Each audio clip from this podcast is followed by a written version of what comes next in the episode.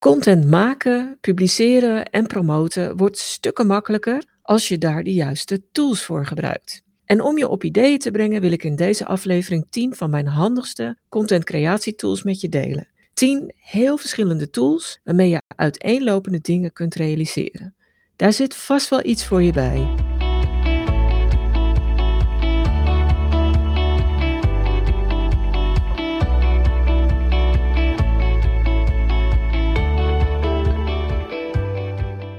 Maar voor ik begin over die 10 tools, eerst een korte huishoudelijke mededeling. Mocht je de vorige aflevering beluisterd hebben, dan is het geen verrassing. Maar deze podcast verschijnt vanaf nu iets minder vaak. Niet meer één keer per week, maar één keer per twee weken. Een van de redenen daarvoor is dat het maken en het promoten van een podcastaflevering aardig wat tijd en aandacht vraagt. Tegelijkertijd is consistentie belangrijk. Dus je kunt dan beter voor een iets lagere frequentie kiezen dan dat je een podcast onregelmatig gaat publiceren. En er is nog een tweede reden om het iets anders te gaan doen met deze podcast, want ook de inhoud gaat ietsje veranderen. Ik merkte namelijk allereerst dat het hele onderwerp content marketing wel erg breed is. Per aflevering kan ik bij wijze van spreken zo uit 100 onderwerpen kiezen. Aan inspiratie geen gebrek dus, maar dat maakt het ook onrustig. En het gaat ten koste van de rode draad in de podcast.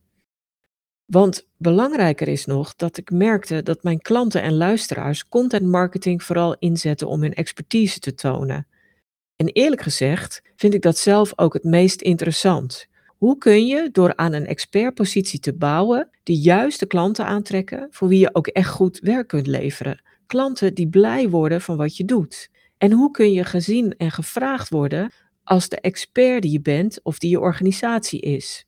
Niet die concurrent die zo hard roept, maar jij die van jezelf weet dat je meer waarde en meer inhoud biedt. En ja, content kan je daar uitstekend bij helpen.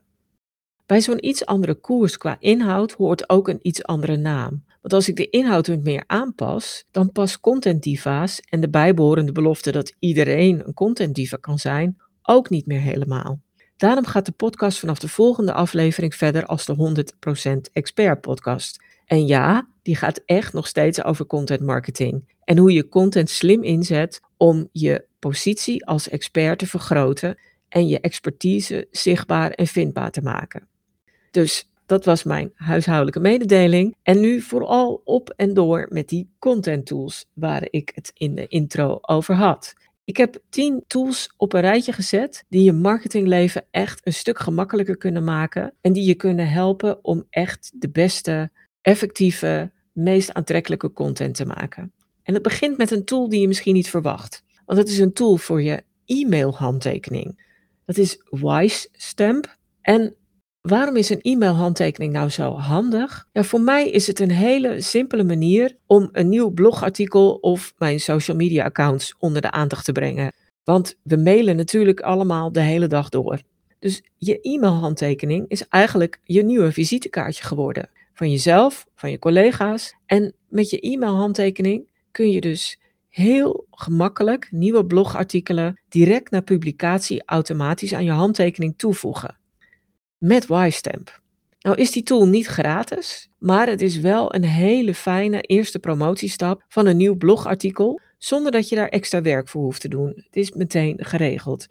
Vandaar dat ik YStamp ook hier wil noemen bij belangrijke handige content creatietools. Een tweede tool die je misschien niet meteen verwacht is Print Friendly. Als je blogartikelen op je website hebt, dan weet je dat sommige blogartikelen echt waardevol zijn voor je lezer. Hopelijk allemaal natuurlijk, maar oké. Dan kun je hopen dat iemand die van een bladwijzer voorziet om later nog eens terug te komen. Maar ja, Hope is not a strategy, zeg ik altijd. Dus het alternatief is dan om de bezoeker van je artikel een gratis PDF aan te bieden. Een PDF die iemand kan downloaden en dan komt je artikel in een, in een digitaal archief. Nou weet ik ook wel dat digitale archieven lang niet altijd uh, intensief gebruikt worden. Je loopt het risico dat je artikel, je PDF daarin landt en er nooit meer uitkomt. Maar toch creëer je daarmee wel een extra kans en je kunt echt een call to action onderaan een artikel zetten waarbij je iemand uitnodigt om het artikel te bewaren. En om het misschien verder als PDF te delen. Printfriendly.com doet dat voor je. En op een hele gemakkelijke manier. Het is een kwestie van je URL van je blogartikel of van andermans blogartikel inpluggen en je PDF verschijnt op het scherm. En eventueel kun je dan nog dingen verwijderen waarvan je denkt, nou, die vind ik niet zo fraai als die in die PDF terechtkomen. En dan kun je hem downloaden en gebruiken en verder delen op je website of daarbuiten natuurlijk. Mijn derde content creatie tool is AddThis. AddThis begon ooit als een tool voor deelknoppen voor social media, die je dan onderaan of naast je blogartikelen plaatste. Nu worden die deelknoppen gaandeweg steeds minder gebruikt en je ziet ze ook steeds minder prominent op websites staan. Vaak zelfs helemaal niet meer. En toch is AddThis nog steeds handig. En misschien ook wel omdat een hoop websites het niet meer doen. Dan valt het niet bij jou tenminste op. Maar vooral omdat AddThis je als websitebeheerder laat zien welke artikelen met anderen gedeeld worden. En vaak worden ze nu gedeeld via mail en niet meer via social media.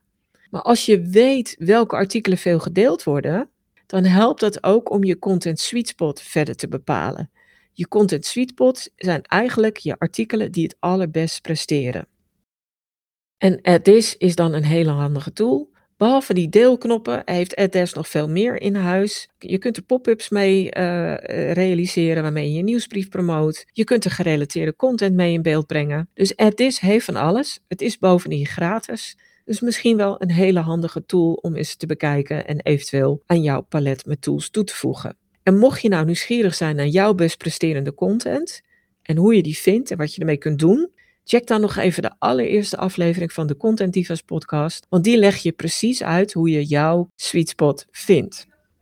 De vierde content creatie tool is HappyScribe en daarmee kun je video's ondertitelen. Je kunt er ook transcripties mee maken trouwens, maar ondertiteling vind ik zelf heel erg handig, want zo'n 80 tot 85 procent van de online kijkers kijkt zonder geluid naar je video. En dan is ondertiteling toch wel een must. HappyScribe gebruikt artificiële intelligentie om die ondertiteling voor je te maken. En het heeft inmiddels 60 talen in het pakket zitten. Ook Nederlands natuurlijk, anders zou ik hem nu hier niet noemen. En de ondertiteling die daarmee gemaakt wordt, is voor ongeveer 85% correct. Ik moet zeggen dat ik in de praktijk merk dat het nog wel veel meer correct is. En de resterende dingen die niet helemaal correct zijn, die kun je handmatig toepassen, gewoon met een teksteditor. En dan krijg je automatisch accurate ondertiteling. Heb je geen zin in het handwerk, dan kan zelfs ook een mens die transcriptie voor je verzorgen. HappyScribe is niet gratis, je betaalt per minuut, maar het, is, het verhoogt echt het rendement enorm van je video's. Dus ik wil je wel aanraden om altijd voor ondertiteling te zorgen. Ja, je kunt het natuurlijk zelf met de hand doen, maar dat kost meer tijd. En HappyScribe is dan echt wel een tijdbespaarder. De vijfde content creatie tool is Loom.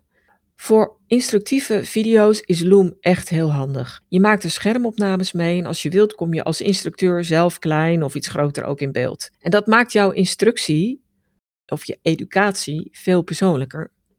Loom heeft het afgelopen jaar ook steeds meer functies toegevoegd en geeft je bijvoorbeeld de mogelijkheid om de video direct te editen, te beveiligen met een wachtwoord, om branding toe te voegen of een call to action knop toe te voegen. Dus je kunt Loom op heel veel manieren inzetten. Mijn zesde tool heeft te maken met podcast. Steeds meer bedrijven en ondernemers ontdekken dat podcasten en misschien overweeg je dat zelf ook wel. Nou, dan kun je daar allerlei tools voor gebruiken en in principe zijn er twee podcasttaken waar je echt wel een tool voor wilt hebben, vind ik dan. De eerste is voor het opnemen en editen van je podcast.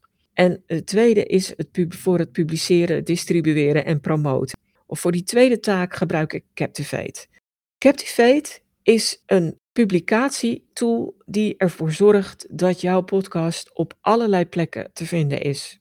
Apple Podcasts, Spotify, Stitcher, Amazon, nou echt gigantisch veel podcast apps zorgt Captivate dat jouw podcast daarin te vinden is. Maar Captivate is veel meer dan dat.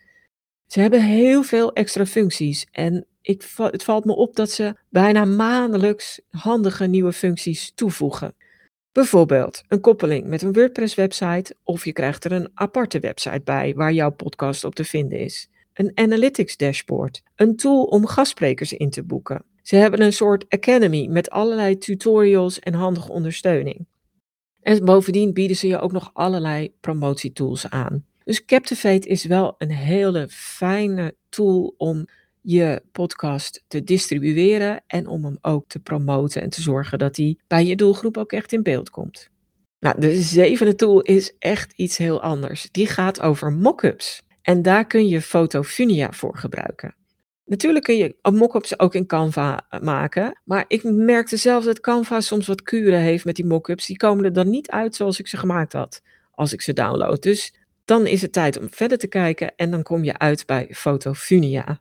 En die tool is ook echt heel fijn als je eens iets leukers wil doen met een mock-up of met een mock-up-achtige foto of video. Fotofunia laat je namelijk heel gemakkelijk uit allerlei soorten, gelegenheden, toepassingen, filters en effecten kiezen. Zo kun je in een schilderij in het Kremlin kruipen en boven de vergadering met Poetin gaan hangen met jouw beeld. Wat natuurlijk wel heel actueel is momenteel. Of je zet iets of iemand op de omslag of op de achterkant van een bekend tijdschrift. Je kunt iemand, jezelf, ook in een compositie plaatsen met een beroemdheid. En echt van Brad Pitt tot Trump en van Obama tot Marilyn Monroe. Of je laat een eigen foto door een Banksy shredder gaan. Dus behalve serieus kun je hier ook veel luchtige mock-ups en content mee maken. Fotofinia werkt super makkelijk en het is nog gratis ook. Dus ik zou zeggen, wat wil je nog meer? Als je er ook maar één onthoudt, dan is dit wel een hele leuke in mijn rijtje met content creatie tools. Ben je echt wel van die visuals met een apart effect? En is Fotofunia leuk? Kijk dan ook even bij andere apps waarmee je gave effecten voor foto's of video's kunt creëren. En daar zijn er meerdere van. En uh, mij vielen op een gegeven moment op Lumiere, Motion Leap of Art Leap. Met deze tools kun je extra en soms bewegende elementen toevoegen aan een foto. Of je kunt ze er een hele andere uitstraling mee geven. Bijvoorbeeld doordat je foto vertaald wordt naar een schets of illustratie. Dat doe je dan bijvoorbeeld met Artly. En het enige waar ik voor wil waarschuwen is dat het vaak wel slim is om, als je die tools gaat gebruiken, je niet op de loop te laten gaan met alle leuke effecten die je kunt gebruiken, maar echt wel je contentstrategie in je achterhoofd te houden en te kijken van, ja, past dit bij mijn doelen en past dit bij mijn doelgroepen? Waardeert die dit soort effecten wel en doet dit wat ik beoog? Maar wat je ook kunt doen als je denkt van, nou, ik weet niet of dat helemaal past, is dat je ze af en toe gebruikt. Want een beetje entertainment tussen meer serieuze content, dat werkt echt op social media heel goed en is daar eigenlijk ook misschien wel een soort must. Mijn negende tool is Feedly. Daarmee kun je content cureren. Want over het algemeen is het niet nodig om steeds eigen content te delen op social media of in nieuwsbrieven of op andere plekken. Sterker nog, soms is het zelfs beter om dat niet te doen, maar om juist ook content van anderen te delen. Daarmee kun je jouw publiek extra van dienst zijn en het kan ook jouw expertise nog eens extra onderstrepen als je dat op een goede manier doet. Dus met content cureren pak je content van anderen en deel je die met jouw publiek. Nu kan het afzoeken van relevante bronnen voor interessante content van anderen behoorlijk veel tijd kosten. En dan is Feedly super handig. Feedly helpt je om relevante websites waar, je, waar content staat die voor jouw doelgroep interessant is, handig op een rijtje te zetten. Het haalt voortdurend alle nieuwe publicaties binnen en dan krijg je een heel mooi overzicht waarin je heel snel ziet wat er op die websites die jij interessant vindt in de afgelopen periode gepubliceerd is. Het inrichten kost een klein beetje tijd, maar moet zeggen, met een half uurtje kom je echt al een heel eind. En daarna heb je er maanden of jaren plezier van, omdat je met één blik meteen ziet van, oh, dit is er allemaal gepubliceerd en dit is er interessant voor mijn contentdoelen of voor mijn doelgroep. Mijn tiende en laatste content creatietool is Beacon. En Beacon begon ooit als een tool om snel een e-book te maken, maar inmiddels hebben ze zich gespecialiseerd in weggevers. Je kunt er nog steeds prima e-books mee maken trouwens. En Beacon biedt je daarvoor allerlei templates, waarbij je naar keus of zelf tekst en beeld kunt toevoegen. Of, wat ook handig kan zijn, is dat je de URL van een blogartikel of een websitepagina erin kopieert. En je kunt het natuurlijk ook combineren. En zo creëer je een digitaal document waarin je ook links kunt plaatsen, etc.